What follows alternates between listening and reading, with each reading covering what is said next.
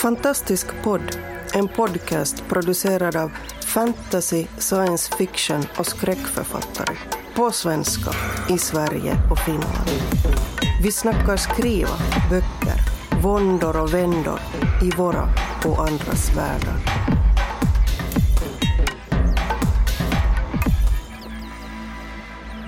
Hej och välkomna till ytterligare ett avsnitt av Fantastisk podd. Och eh, idag så är det Stockholmsgänget som eh, är här och eh, jag som talar är Oskar Källner och med mig så har jag Anders Björkelid, Erik Granström och Boel Berman. Och eh, idag så hade vi tänkt att prata lite grann om det här hur det kommer sig det är ganska många verkar det som upplever att det kan vara svårt att skriva historier med lyckliga slut. Hur kommer det sig att vi så gärna vill ha med så mycket mörker, vi vill eh, dystopifiera våra berättelser? Boel, hur var det? Du skulle skriva en novell, en uh, antologi. Kan inte du berätta lite Ja. grann om det, hur det gick? Ja, alltså jag har ju uppenbarligen en oförmåga till att skriva positiva saker. Ehm, Det, det var ett väldigt enkelt uppdrag. En, en kort novell, positiv och med framåtsanda och inte liksom, det behövde inte vara utopi men det skulle vara visionärt och, och med en känsla om hopp för, för framtiden. Ehm, och jag hade jättemycket tid på mig men låt oss säga att eh, oavsett hur positivt temat var så gick allt åt helvete ändå. Ehm, jag lyckades till och med få in världsfred på håll och kanter utan att det blev positivt. Varför alla dog då, eller vadå? Det, alltså, det finns olika sätt få folk att sluta kriga. Ja, Ja. Ehm, så ehm, jag, jag vet faktiskt inte hur man skapar dramaturgi och gör det positivt. Jag menar, det behöver inte ens vara dystopi eller apokalyps eller så. Ehm, bara enkla vanliga, jag menar vad läser vi som för mysböcker på somrarna? Då är det allt från fantasy till, till socialrealism till deckare. Det finns ju ingenting positivt i deckare. Det är ju mord och brutalt. Visserligen kan man kanske hitta mördaren men det är liksom det är ungefär det man kan hoppas på. Jag vet inte, har ni lyckats skriva något positivt? Alla bara. Tala, talande tystnad. Nej men alltså, det, det, Erik här, det, det, det börjar ju egentligen, eller det hänger ihop med bara, folk läser ju som du säger negativa saker. Jag vet inte, nu finns det ju sådana här kärleksberättelser eh, berättelser då. Jag har inte läst så mycket sådana själv direkt, som är, de kanske är, slu- är positiva, jag vet inte. Alltså sådana här hjärta och smärta och hjärta Ja, de, de får väl ofta varann i slutet då antar jag. Men samtidigt så är det ju väldigt, väldigt mycket mörker och konflikter på vägen dit. Mm. Men det måste ju vara en konflikt någonstans på vägen. Va?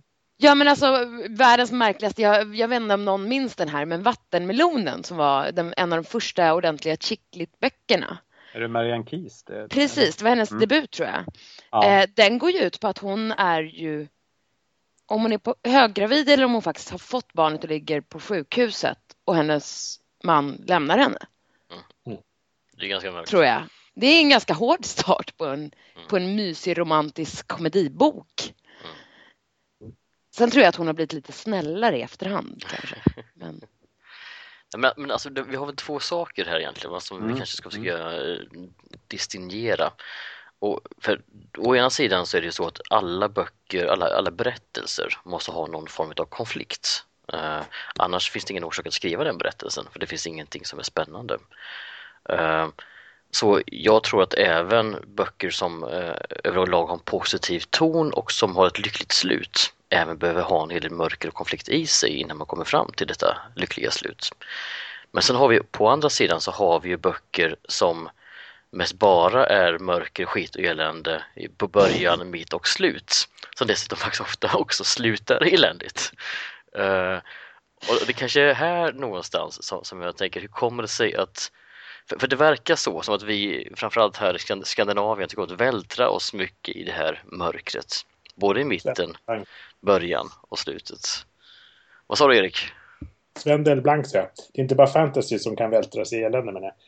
Nej, nej, nej, Men, verkligen inte. men du, och, när du sa det där, kom att tänka på en sak. Filmer som är otäcka, de slutar nästan alltid po- positivt. Det kan ju vara så att, okej, jag är inte så säker på att allting är över, men de slutar ju faktiskt oftast positivt. Hur är det så? Varför är det så? Den här böckerna oftast kanske inte gör det då? Hollywood-slutet Ja. menar du? Ja, ja Det precis. är Hollywood.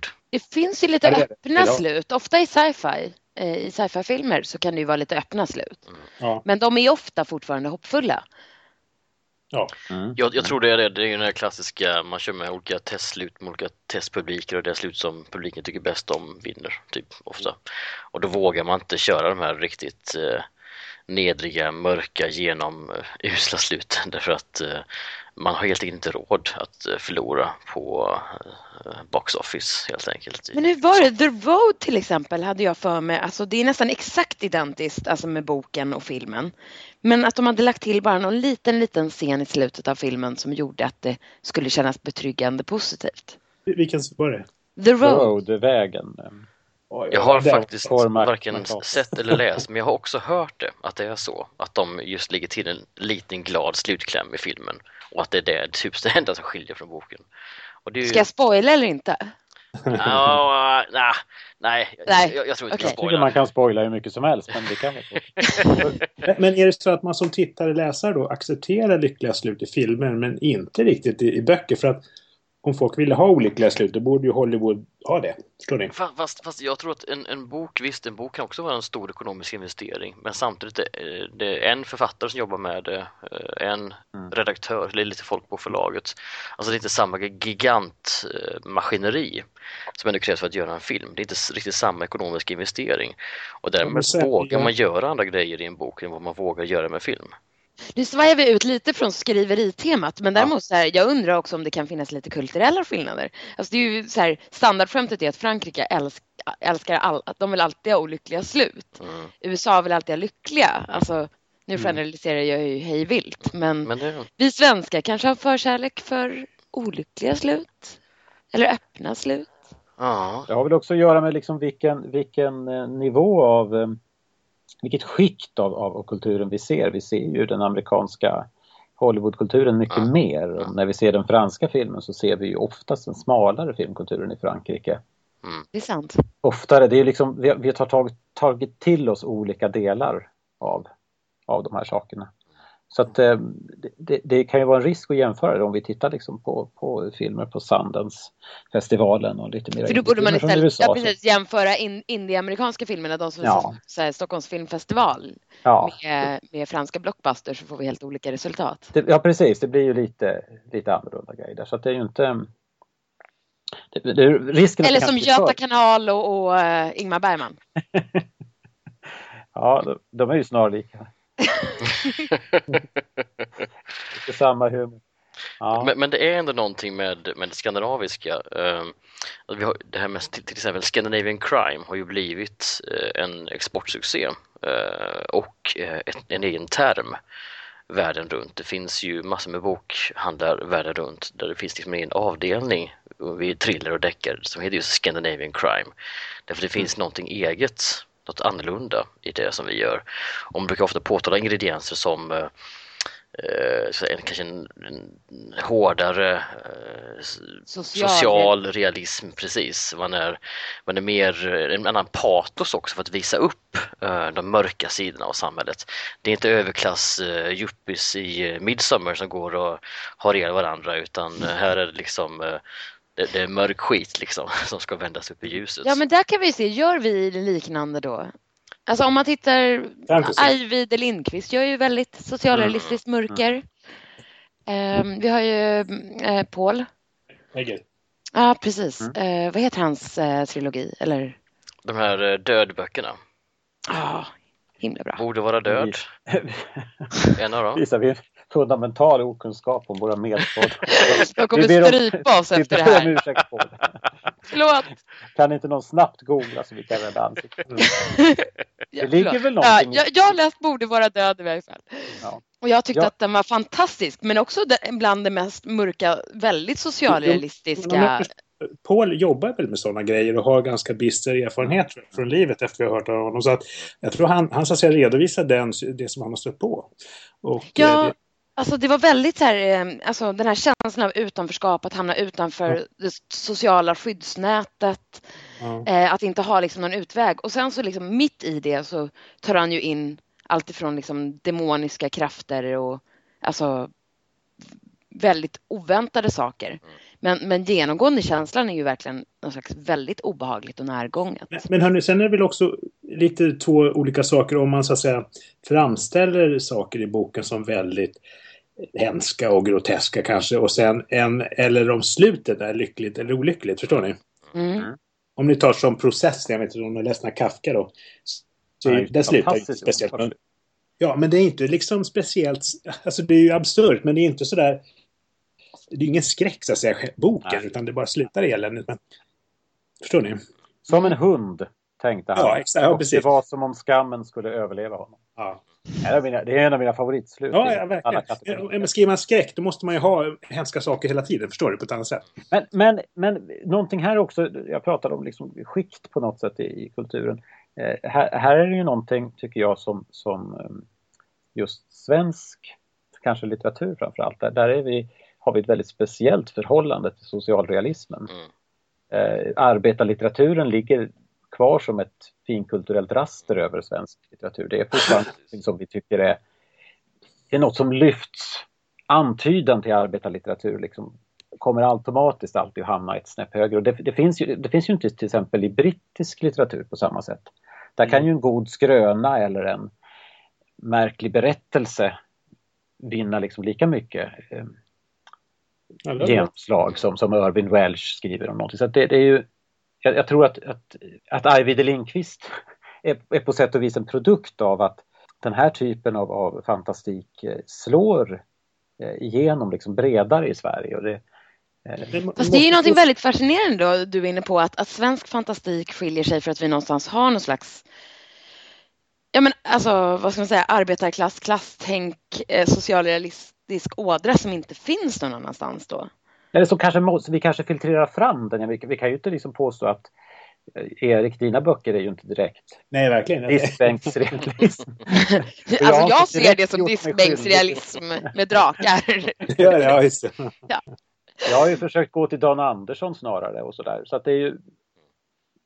Men, men måste, måste gammalt socialrealism vara elände då? Kan det inte vara så att säga, vardagsdetaljer fast det är inte mer, förstår ni? Nej, ja, ja, Nej, jag, men jag tycker nog inte deckare till exempel är speciellt eländiga. De är bara väldigt verklighetsnära. Det är faktiskt Mm. ganska intressant för när jag skrev min första bok, eh, Drakhornet, det är ju en eh, fantasy satt i- på 1800-talet och det finns ju eh, troll och älvor och näcken och grejer ute i skogen. Men människorna som var förföljda, de bor ju i ett brukssamhälle i Kilsbergen.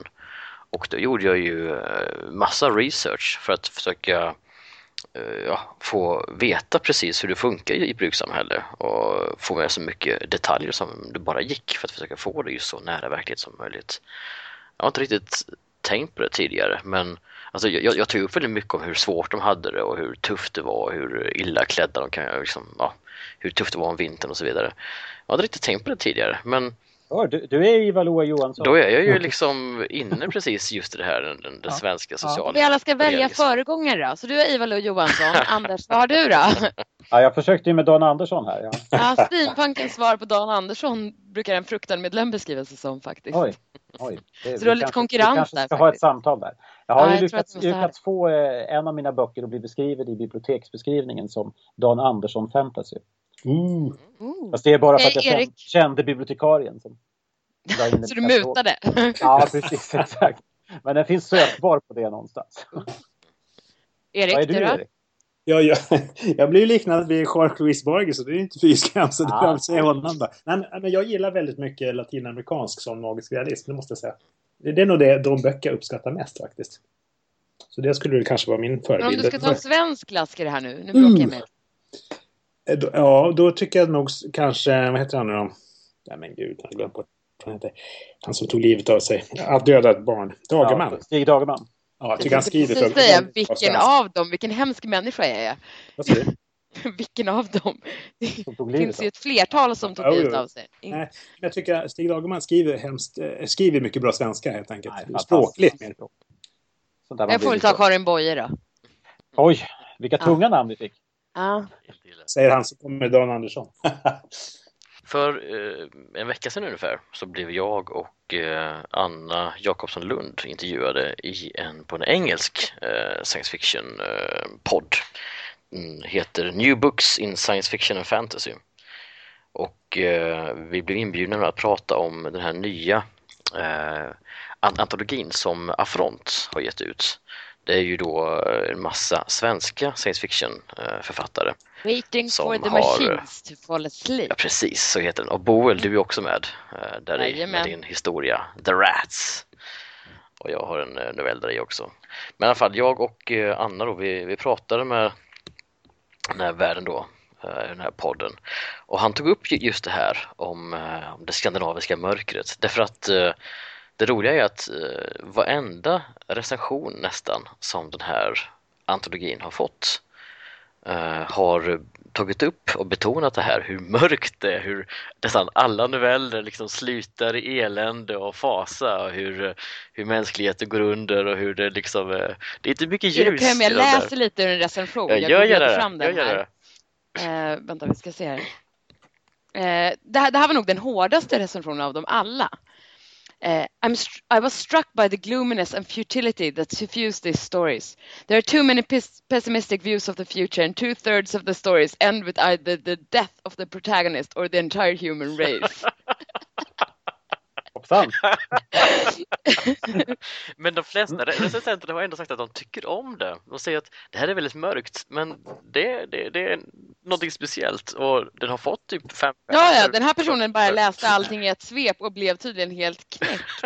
För, och, och, verkligen säger det, är det det svenska mörkret? Liksom? Ja, precis. Eh, sådär. Jag vet inte om jag kanske rekommenderar att man ska läsa, sträckläsa den, men det är lite som att jag inte rekommenderar att man läser Stockholms undergång i ett svep för att då får man Alltså, men det är ju kommer också, gå under. Det är också väldigt, väldigt talande. Hur kommer det sig att vi överhuvudtaget gör en uh, antologi som heter just Stockholms undergång? Mm. Alltså, det säger ju också någonting. Vi ville väldigt gärna förstöra Stockholm uppenbarligen. Ja, det vill ju det. Uh, för, för det var väl ni på Fruktan-kollektivet va? Som, ja, vi hade så himla roligt. Nej, det, jag tror att det bara började som en idé och sen fick alla skissa på en idé var för hur de ville förstöra Stockholm. Och när vi jämförde så hade ingen samma.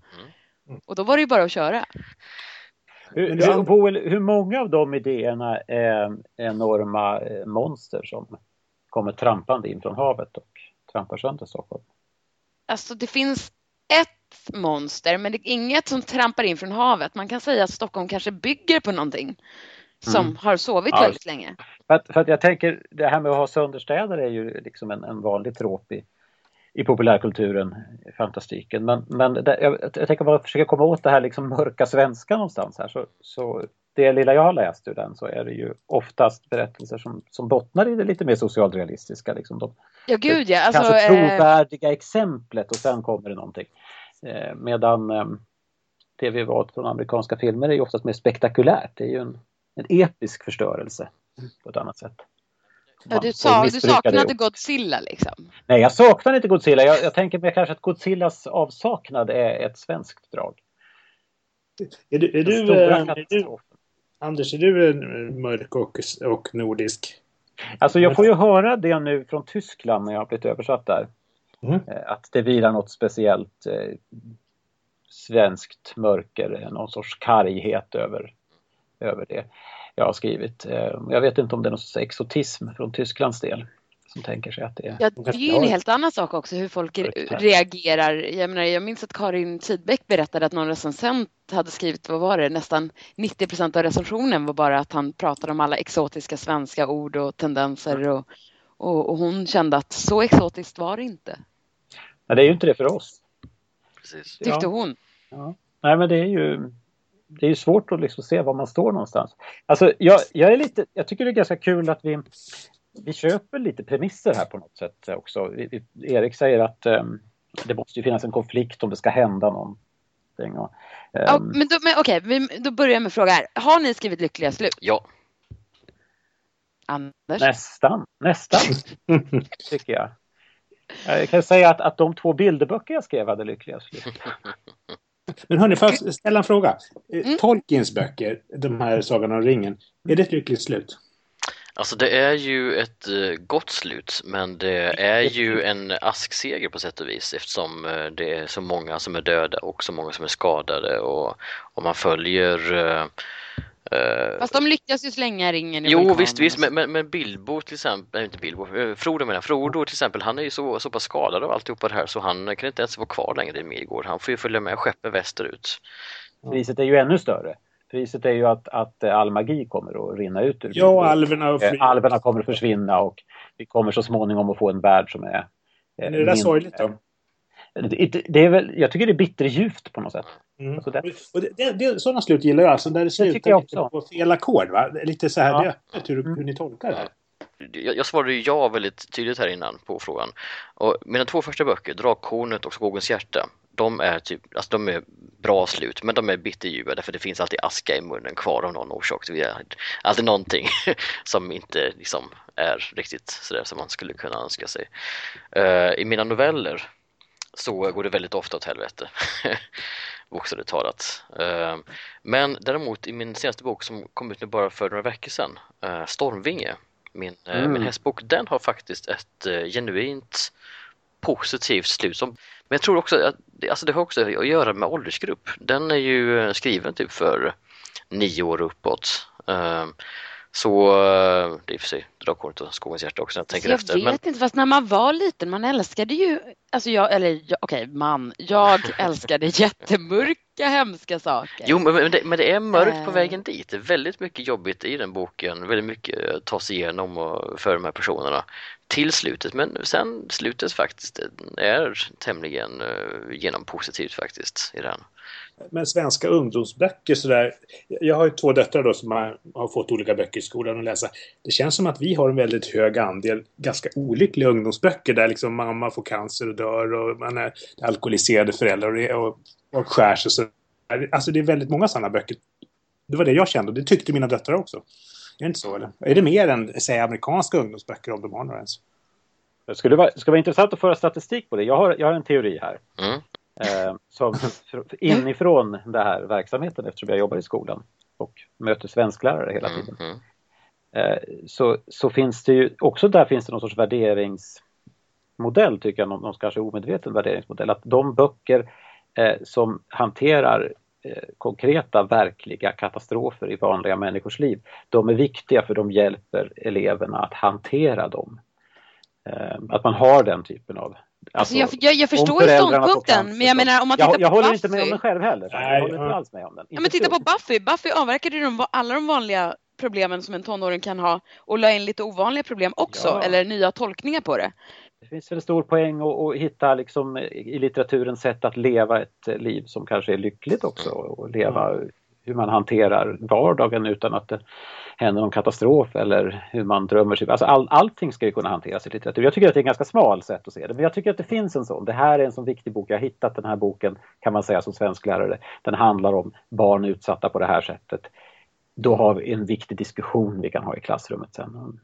Tänk Ja. ju det var populärt av en helt annan anledning. Alltså, Ja. så, just så här, jag som tonårstjej, jag frossade ju i mörkt och hemskt. Eh, Det gör jag väl i och för sig fortfarande, men eh, jag kom aldrig ur den fasen. Men eh, det finns någonting med tonåren som gör att man kan liksom frossa något så ohämmat. Lite på samma sätt som när man lyssnar på Weeping Willows Broken Promised Land för 71 tusende gången. Liksom.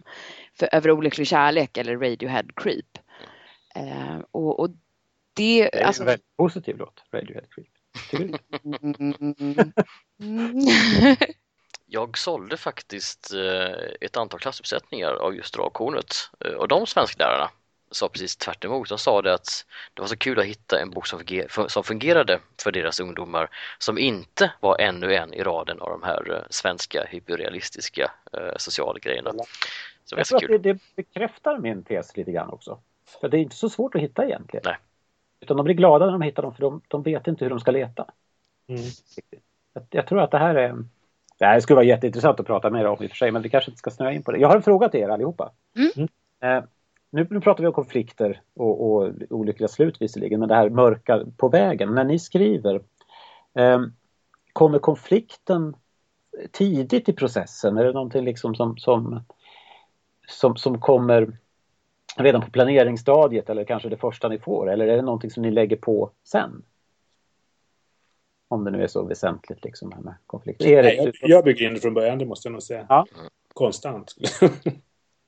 Ja, samma här. Jag, jag bygger den från början. Men, men jag tror vi konstaterade tidigare att du och jag Erik, vi är ju mer de här arkitekttyperna, vi planerar i förväg och har liksom strukturer och idéer. Och, och... Alltså, konflikten är väl liksom den drivande motorn i en intrig överhuvudtaget? Är det så? Kan, kan, du säga en intrig som inte har en konflikt, Anders? Ja, ja det kan jag. Ja. Mm. Vad intressant. jag ska, ska jag återkomma till det sen, men vi tänkte att vi skulle prata om våra personliga erfarenheter sen. Um, men, men, men då, då, då kommer den ganska tidigt. Boel, du då? Är det... Ja, alltså jag är lite mer impulsiv när jag skriver. Jag planerar inte så mycket så att eh, det börjar nog nästan alltid mitt i en konflikt och sen får jag ta reda på varför. Men då är du konflikten ändå? Liksom. Ja. Jag är inte alls där känner jag. Utan konflikten är något som jag måste verka fram sen. Jag, jag börjar med mm. en, en, en, plats, en, en stämning, ett ord, någonting, alltså något som är något som händer men, men ofta så måste jag, jag måste jobba ganska hårt för att få dit en konflikt. Ibland måste jag påminna mig själv, det kanske vore bra om det hände någonting här. Jag tror jag sagt det tidigare, att jag skulle egentligen vilja skriva resehandböcker till platser som inte finns. Helt konfliktfria, bara liksom beskriva vad, vad, du kan göra och vad du kan se. Det är väl eh, rollspelsböcker, är det inte det? Eh, världsböckerna. Jo. Fast det är också lite vilken nivå man hamnar på. Alltså för att jag menar, det kan ju också hända med att man bara har en idé. Typ så här, det här är fel på världen eller det här är möjligt eller någonting. Mm. Men det blir ofta anledningen till konflikten i sig, även om det inte ja, är en konflikt ja, i själva ja. idéstadiet. Jo, men jag, jag, tycker, jag tycker för, för, mig är det något jag, jag, känner att det här är något som jag är skyldig att lägga på. Läsaren måste ju ha en, en konflikt eller en intrig, annars kommer den ju inte hänga med. Och det är någonting som, som jag, menar, jag menar inte att det är oviktigt, utan det är någonting som jag måste, det måste jag jobba med sen. Efter jag har nog precis, precis tvärtom i så fall. Ja. Alltså. Jag, jag, jag, tycker konflikten är, är det spännande också att säga folk, människornas eller varelsernas motsättningar och sådär. Och sen kan jag känna mig tvungen att lägga på miljöbeskrivningar. Så. Ni kanske borde skriva en bok ihop? kanske bara kan skriva två helt olika böcker och sätta ihop dem. Om jag bara det här kan bli väldigt intressant. Eh, och jag är ju inte så jättebra på kanske karaktär eller miljöer. Jag gillar bara att leka med inre monologer. Så kan ni få in det där någonstans också? Ta varsin bit så kan vi bara sätta ihop det. Nej, men, eh, du efterlyste Erik där en bok utan konflikt som, som intrig. Jag, jag tänkte dels på eh, Jeremy K. Jerome, eh, Tre män i en båt. Jag tycker det är en fantastisk bok. Men, Fast men de råkar ju hela tiden ut för problem, det måste du väl ändå hålla med om? Ja, men det är ju inte en övergripande intrig. Det är inte en övergripande problematik. Nej, utan men det, de, de, de får lite, lite problem på vägen. Ja. Lite problem. Men jag har en annan som är helt problemfri som också jag tycker beskriver någonting om det här med med varför vi har sådana problem med det lyckliga. Varför inte Boel lyckas skriva sitt lyckliga slut. Eh, och det är Joakim Pirinens Familjen Bra. Har ni läst dem? Mm. Nej, jag har inte det. Helt fantastiskt. Den är skriven som en pjäs. Eh, den handlar om en familj eh, och allt är bra. Och eh, det är det. Det var det. Intressant. Men alltså här är ju mitt dilemma då. Och jag tänker direkt så här, Stepford Wives. Mm. Nej, alltså, det, jag tänker ju direkt så här, okej, okay, ja. vad är det grundläggande felet det, på det här? Det, är de aliens? Är de... Ja, precis. Ja. Det som är så fascinerande med Pirinens, Pirinens liksom novell eller pjäs eller vad jag ska kalla det, den är just uppsatt som pjäs. Det, det, är att det händer, det händer saker och det är att det blir bättre. Mm. Hela tiden bättre. Mm. Det låter ju fantastiskt. Det låter väldigt fantastiskt. Osvenskt. Allting är perfekt på slutet. De står och tittar på solnedgången och säger vad bra att vi älskar varandra och så säger den andra vad skönt att det alltid kommer att vara så här. Ja, det kommer alltid att vara så här och så är det slut. Och den är, o- den är, den är vidrig att läsa och det är det som är meningen. För att hela vårt liksom, jag revolterar mot, det måste hända något, det måste bli något fel, någon måste alltså, ha men är det inte ironiskt skrivet Nej, nu, nu har jag bekännelse att göra faktiskt. Det är ett experiment med, med just berättarteknik på det sättet. Vad händer om vi tar bort all konflikt från... Mm. från... Jag har skrivit ett bokmanus som var positivt. Det här är en bekännelse. Ja. Eh, jag hade jätteroligt när jag skrev det. Jag skrev det bara på typ två, tre månader. Eh, för att min sambo hade utmanat mig för att jag skrev så mörkt och hemskt hela tiden. Mm. Så jag skrev den, jag gjorde någon slags extremversion av honom i huvudrollen. Den är lite åt Naiv Super eller Expedition L av Alan Lowe-hållet. Och han älskar den och alla andra hatar den och tycker att huvudpersonen är lobotomerad och det händer ju ingenting. För den har ingen intrig. Han är på jakt efter det stora äventyret fast han är liksom lite halvhjärtat på jakt. Så att det händer egentligen ingenting. De har en mysig chartersemester. Där han liksom drömmer om det stora Indiana Jones-äventyret som aldrig sker. Och har jättemysigt på vägen.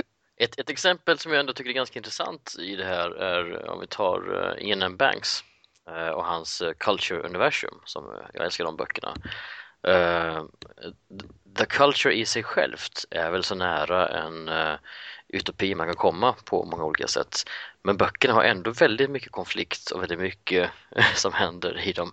Och det är för att de ofta är placerade, i alla fall så som jag uppfattar det, mer i i uh, The Cultures uh, gränsland. Uh, deras långt bort från det här stora lyckliga centrumet. Det är de krig som kanske förs med andra kulturer. Det är de, ja, det skavande mellan det här stora utopiska superkulturen och ja, kanske andra civilisationer som inte ser eh, saker och ting på samma sätt som de gör. Men i, liksom när man är mitt i smeten på det där, ja, alltså det kan man ha det mycket bättre. Liksom hur mycket, alltså det är ett utopisamhälle där det finns hur mycket eh, som helst av allt. Ingen behöver... Alltså, jag, jag, håller med dig, jag, jag läst dem där också och gillar dem väldigt mycket. Men alltså det är ju väldigt mycket konflikter i böckerna även om samhället har gått, som du säger. Så är det, det är ju konfliktdrivna ja, böcker väldigt mycket. Precis. Så. Hörrni, jag har en bok här framför mig. Den sista jag läste. Jag kan nästan lova er att det, jag har läst den mest eh, negativa boken senast av oss här. Okay. jag tror jag kan, jag kan, vi kan slå vad om en hundring imorgon.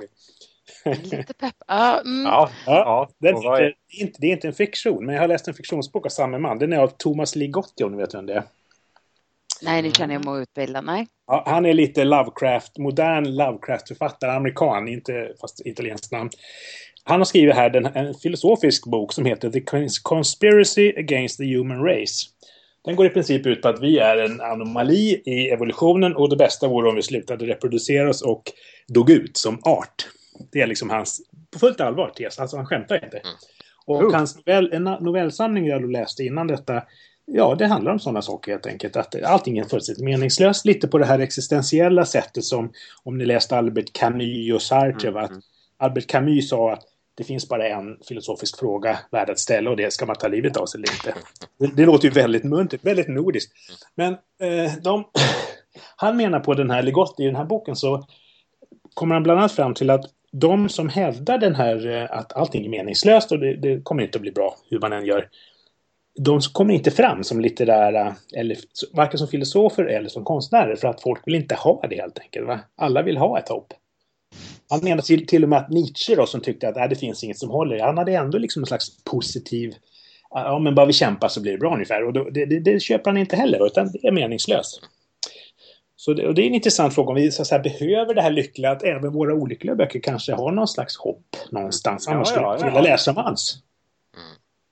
Ja, alltså där det inte finns något hopp, där blir man ju, alltså man blir väldigt, väldigt uppgiven. Jag har ju haft ett stort problem med China Melville, fast jag verkligen, mm. verkligen vill tycka om hans böcker. Eh, och då speciellt då Embassy Town, om ni har läst den. Mm. Jag känner till den.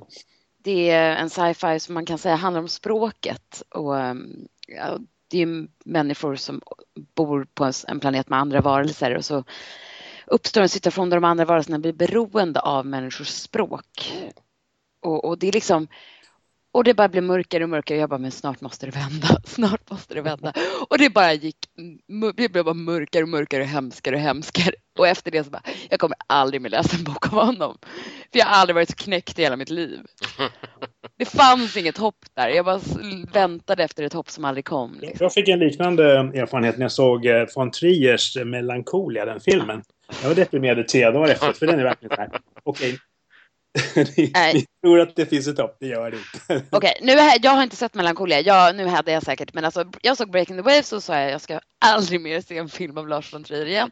Sen lyckades jag ändå se Dogville och då sa jag samma sak igen för att de knäcker mig. Men han är också väldigt, väldigt förtjust i att plåga kvinnliga huvudkaraktärer mm. till gränser bortom vett och sans. Uh, så att det är lite extra jobbigt tycker jag. Hörni, vet ni vad? Vi nu har vi pratat alldeles för eh, mycket. nu måste vi ha ett lyckligt slut på det här. Ja. Eller måste vi det? Ja, ja, vi får säga så här. Var och en får säga någonting som är lyckligt eller inte lyckligt. Oj. Och Oskar börjar. Ja, tack, tack, tack. det hinner vi tänka. uh, nej men jag, jag eh, tror att det faktiskt finns ett behov av lyckliga slut. Jag tror att eh, om det bara var eh, genomdeppigt så skulle man inte orka leva till slut. Eh, och dessutom tror jag faktiskt också någonstans att det kanske faktiskt är mer realistiskt någonstans att det också finns ett hopp. Därför att, eh, jag vet inte hur det är med er, men jag upplever i alla fall i min vardag att det faktiskt sällan är helt nattsvart. Det kanske faktiskt finns ett hopp för oss och för mänskligheten. Och om det finns det i verkligheten så borde det kanske kunna finnas det i litteraturen också. Erik, vad säger du då? Vår stora guru. ja, alltså jag tycker, för det första tycker jag det är roligt att sitta och prata mer och det är nästan så det räcker här i universum. att det finns, det finns väldigt mycket roliga saker att göra. Sen är det en massa elände och sen kanske alla dör, ja det gör vi ju förmodligen. Eh, och, och, så vidare. senare nog. Ja men, ja, men så här. Okej, okay, vi är här. Om allting är meningslöst, ja men då kan vi väl åtminstone ha kul medan vi väntar på det meningslösa. Det är ungefär min inställning. Och eh, jag har nog ganska mycket elände i mina böcker, men, men jag tror de, det är ganska mycket roliga saker också på något vis på vägen. Och det, det, slut, det kommer att sluta, jag, jag, är nästan klar med sista delen nämligen, och det kommer att sluta med någon slags hopp, tror jag. jag gör ju tumme upp. Det är som är det där, det där de trycker på knappar ner eller upp. Va? Vad heter det? Idol. Lajka. Jag gör tummen upp för tillvaron. det är bra. Du Anders? Eh, alltså det finns ju någon så här gammal eh, truism när det gäller litteratur att lyckliga slut det handlar bara om att veta var man ska sluta. Att sluta vid rätt tillfälle. Ehm, men jag, jag, tror att jag mera tänker så här att ehm, när jag skriver att jag försöker hitta eh, lyckliga eh, punkter, små instanser. Jag, jag, tycker på något sätt att det är det som är ehm, det som verkligen liksom lyser i livet kan vara de där riktigt, riktigt små ögonblicken. Att man ser någonting litet, fantastiskt, eh, fascinerande ett kort tag. Och sånt, sånt försöker jag liksom stoppa in. På något sätt ska de tillsammans, tycker jag, ge någonting positivt. Sen behövs, kan slutet vara vad det vill, men, men de där punkterna ska kunna liksom ge någon sorts form av hopp, vet jag inte, men glädje kanske. Mm. Boel? Ja, oj, Eh, hur avslutar man det här? Nu måste jag ju avsluta med ett lyckligt slut. Det här är skittaskigt. Ja, Bara väldigt eh, jag, jag, säger väl så här alltså, som ett litet försvarstal för, för alla oss till, till läsare och lyssnare att ni ska inte oroa er för att vi förstör världen om och om igen för att vi gör ju bara så att alla ni där ute kan rädda den. Det var djupt. Det var jättebra. Fint. Vi slutar på den tonen. Lycka Tack till så kan mycket. vi nu, nu ska du vara snäll. Tack så mycket hörni. Vi har det bra. Åh, tack. Lycka till. Du har lyssnat på Fantastisk podd. Om du trivdes i vårt fantastiska poddsällskap och vill ha mer så hittar du äldre poddar och information om oss som deltar på vår hemsida under fantastiskpodd.se och på vår Facebook-sida Fantastisk podd. Har du frågor eller förslag på vad du tycker att vi ska tala om, hör gärna av dig antingen på Facebook eller via kommentarer på hemsidan. Vi hörs!